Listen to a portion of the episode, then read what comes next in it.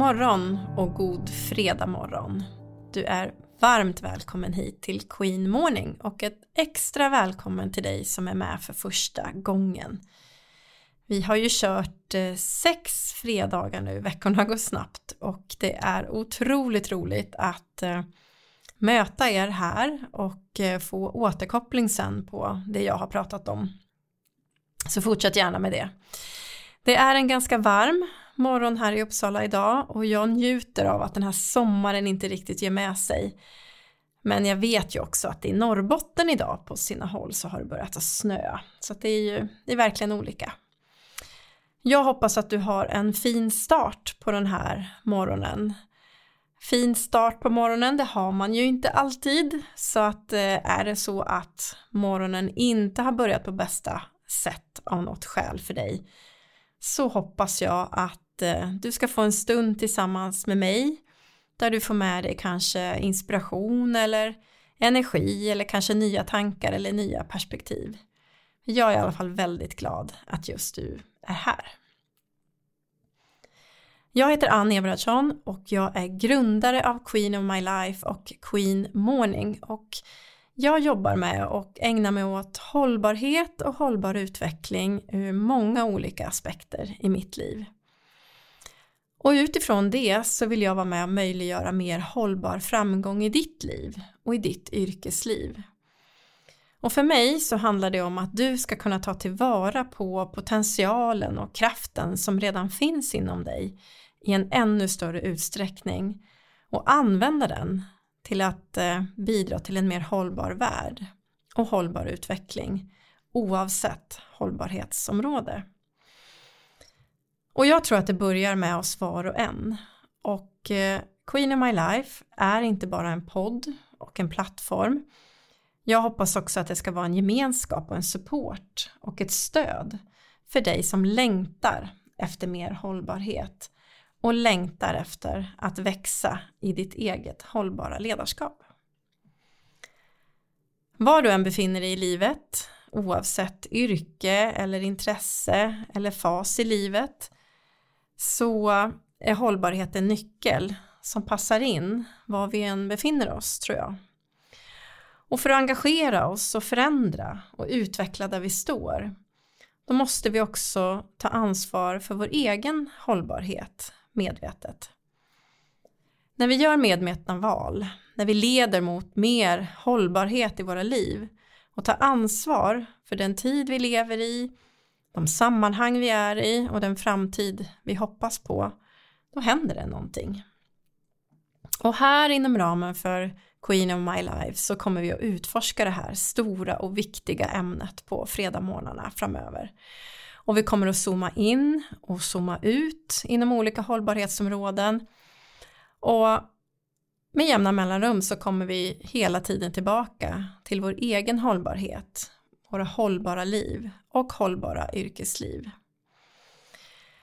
Och jag vet inte vad du jobbar med eller vad du engagerar dig i, om det är eh, ekonomi, sociala frågor, familj, klimat, barn och unga, våra äldre, sjuka, friska, skolungdomar, kanske förskolan eller industrin.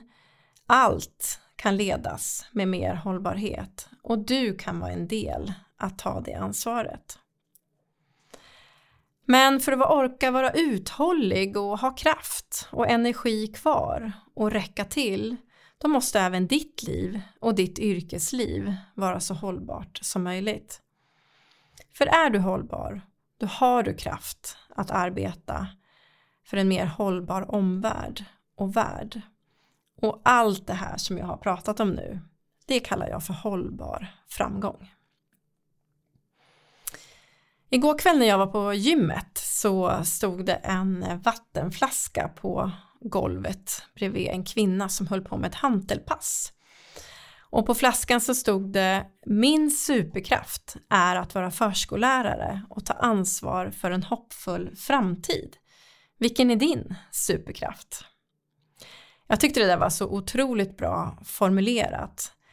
Hennes superkraft som förskollärare ligger i att ta ansvar inom området social hållbarhet Och vi, flera utav våra globala hållbarhetsmål som till exempel god utbildning och att arbeta för fredliga och demokratiska samhällen det ryms absolut inom hennes yrke. Och jag var tvungen att prata en stund med henne efteråt och säga att eh, hennes superkraft det var att leda som förskollärare mot en hållbar framtid och en hållbar och hoppfull utveckling. Så eh, oavsett vad du har med dig in i den här stunden och var du har din bas någonstans så kommer vi att utforska hur du kan integrera hållbarhet i ditt liv och arbete på ett meningsfullt sätt. Och jag kommer att dela praktiska metoder och strategier för att stödja en mer hållbar värld och en mer hållbar du. Idag ska vi prata om hållbart ledarskap. Det är del tre idag och eh, kanske är det så att du har lyssnat tidigare på ettan och tvåan och har du inte gjort det så går det lika bra att lyssna idag också. Den här uppdelningen är mest till för att jag ska sortera i flera olika aspekter som jag tycker finns av hållbart ledarskap. Och eh, vi kommer att resonera kring vad det är och hur du kan aktivera ett mer hållbart ledarskap i ditt liv, oavsett om du är chef eller inte. För mig handlar inte det här om yrkesroller utan om sättet att leda i sig. Och hållbart ledarskap, det gynnar hela organisationen och alla som jobbar där. Och det gynnar också hela livet. Du är en ledare. Oavsett vilken yrkesroll du har och oavsett vilka uppdrag du har. Du kan leda precis där du står och du kan leda mer hållbart. Och att vara ledare, det innebär ju att ta ansvar. Det handlar om att våga leda oavsett om det är i din roll som förälder eller kollega eller vän eller samhällsmedborgare i stort eller i din profession. Och när vi tar ett medvetet ansvar för våra handlingar och vårt agerande och sätter in det i en hållbarhetskontext, då tycker jag att det uppstår helhet och mer mening och medvetenhet. Och jag ska backa lite ändå eh, till de här två tidigare veckorna så att vi får ett sammanhang. Och för två veckor sedan så började jag med att berätta om hur jag själv har landat i ett hållbart ledarskap och hur det har blivit mitt självklara sätt att leda. Både mig själv och andra. Jag har under alla mina år som chef navigerat igenom och eh, gått igenom många kurser i många olika slags ledarskap. Och det har ju sett olika ut också i olika tider i livet och i chefslivet. En del har varit givande, annat inte. Men eh, det var faktiskt när jag själv bottnade i vad som är ohållbart som jag kunde mejsla fram också vad ett hållbart ledarskap är för mig. Och för mig så vart starten en väldigt enkel metod att komma igång och det var ett helt vanligt vitt papper som jag delade in i tre kolumner. En för mitt liv i stort, en för mitt yrkesliv och en för min organisation. Och vill du göra samma sak så kan du ju lägga till kolumner om du vill också för samhället eller globala perspektiv eller ja, vilka varianter du vill egentligen. Men det är bra att börja med det här tomma pappret eller en fil, eh, digital fil, det gör som du vill. Och sen så började jag då lista vad som var ohållbart för mig och eh, för mig var det också lättare att tänka liksom tvärtom. Eh, du kanske har varit med om den här känslan när man känner så här, nu går inte det här längre. Det, det liksom känns i hela kroppen. Och eh, jag använder mig utav den eh, men, tankebanan för att börja identifiera vad som var ohållbart inom mina olika kolumner. Och det jag kom fram till då var den här inzoomningen mellan det som är ohållbart, ohållbara situationer i mitt privatliv, en utzoomning till det jag tyckte var ohållbart i min egen organisation och mitt emellan där så hade jag mitt yrkesliv. Och i kolumnen för mitt privatliv så fanns ohållbarhet. Där fanns till exempel brist på jämlikhet, brist på hälsa och välmående av olika skäl. Jag mätte också mitt eh, eget eh, ekologiska fotavtryck för att jag var nyfiken eh, och fick mig en ordentlig ögonöppnare och bestämde mig för två områden som var ohållbara, transporter och konsumtion i mitt privatliv. Och exempel på ohållbarhet i min egen organisation var att jag jobbade på en arbetsplats med tydliga uttalade mål för en hållbar ekonomi och ekonomi i balans. Men jag tyckte att både jag själv och mina medarbetare saknade tillräcklig ekonomisk medvetenhet om ändligheten i resurserna och eh, en respekt för de här kronorna som kom in. Och vi slösade inte mer än andra. Vi höll ju budget och eh, ja, skötte allting men någonting var ändå ohållbart i mig. Jag tänkte att det måste gå att göra mer inom det här området. Vi måste kunna öka den här medvetenheten. Och i mitt yrkesliv där var min arbetsbelastning ohållbar eller snarare kulturen där jag jobbade var ohållbar. Och det märkliga är att samtidigt hade jag också så roligt. Därför att engagemang och gränslöshet, de kan ligga väldigt nära varandra. Var går gränserna? Vilka signaler sänder jag ut av vad som är hållbart? Vilken kultur av effektivitet och produktivitet är jag med och bidrar till med, mitt, beteende och på vems bekostnad? För det är ju så att de globala hållbarhetsmålen och andra hållbarhetsmål också som du kanske identifierar dig med, de gäller ju oss alla oavsett var vi bor på den här planeten. Och det är så lätt, det vet jag verkligen av egen erfarenhet, att man blir så engagerad i det man håller på med att det kan bli osunt gränslöst. Vi betalar med oss själva på ett sätt som inte är hållbart. Vi tänjer på gränser på ett sätt som vi aldrig skulle förvänta oss av andra att de skulle göra.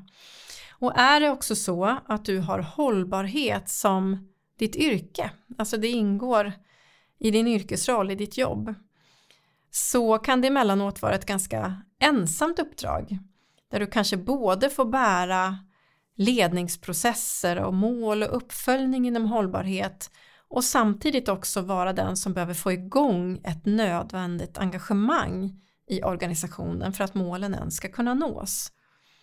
Och var finns gränserna där? Har du lyssnat de tidigare gångerna eller just nu då sitter och funderar över dina kolumner, över det som är ohållbart, då kanske du börjar få fram en lista nu över vad som skulle behöva förändras. För min del så var det ganska mycket i de här kolumnerna och jag behövde sortera och eh, om jag skulle ha gjort ett skifte inom alla de här områdena som jag hade identifierat att gå från det ohållbara till mer hållbarhet då skulle det ha tagit väldigt lång tid och väldigt mycket energi. Och var det värt det? Och för vems skull? Och gör det någon skillnad?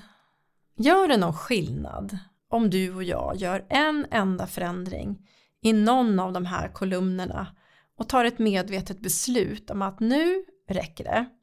Nu är det dags att gå från det ohållbara till mer hållbarhet. Gör det någon skillnad för vår hållbarhet i våra liv och den hållbara utvecklingen?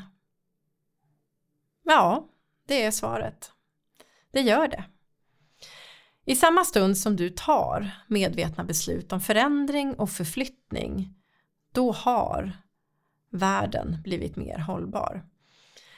Och du kommer att märka att varje sånt beslut också formar dig och formar dig själv, din inre kompass, din bottenplatta för vad som är riktigt viktigt.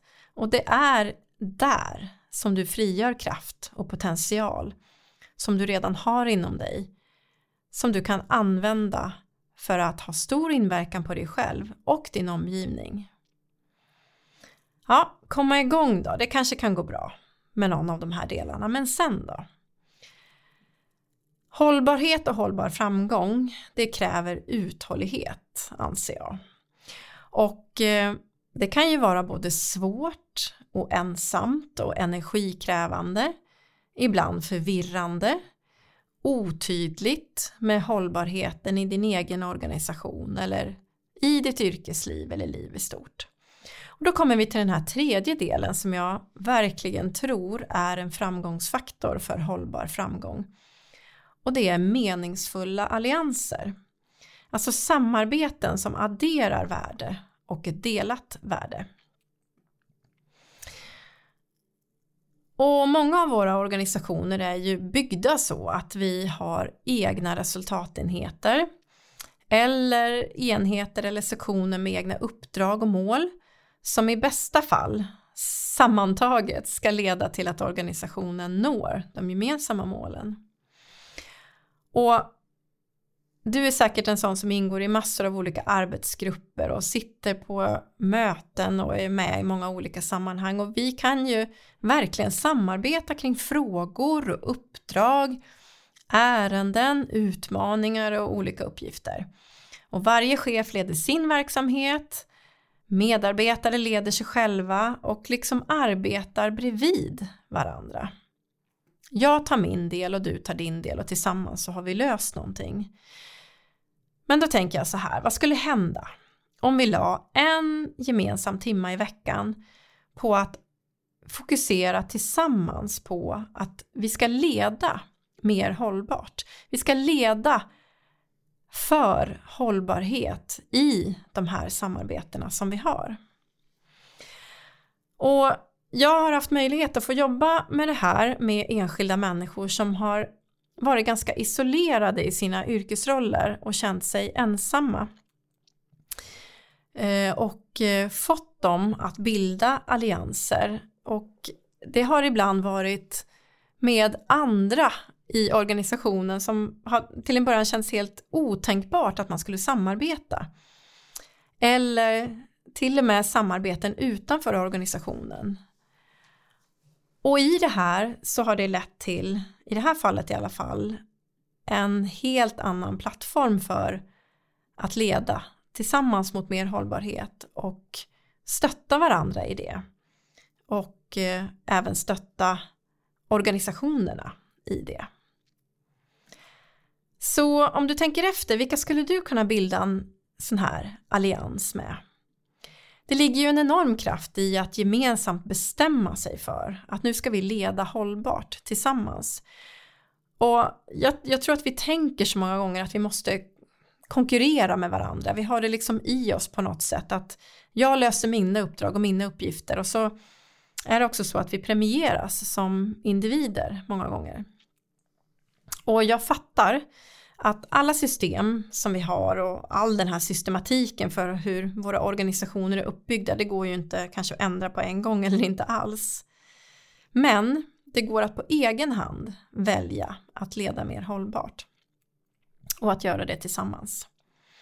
Och det finns en massa forskning som eh, pekar på fördelarna med att liksom hitta den här eh, dimensionen i samarbetena som är så mycket mer än att jobba bredvid varandra. Det ökar innovationskraften i organisationer eftersom man är fler och kanske också oväntade konstellationer som arbetar tillsammans och utvecklar produkter och tjänster eller lösningar som man kanske inte hade kommit på på egen hand och inte med de som man vanligtvis jobbar med heller.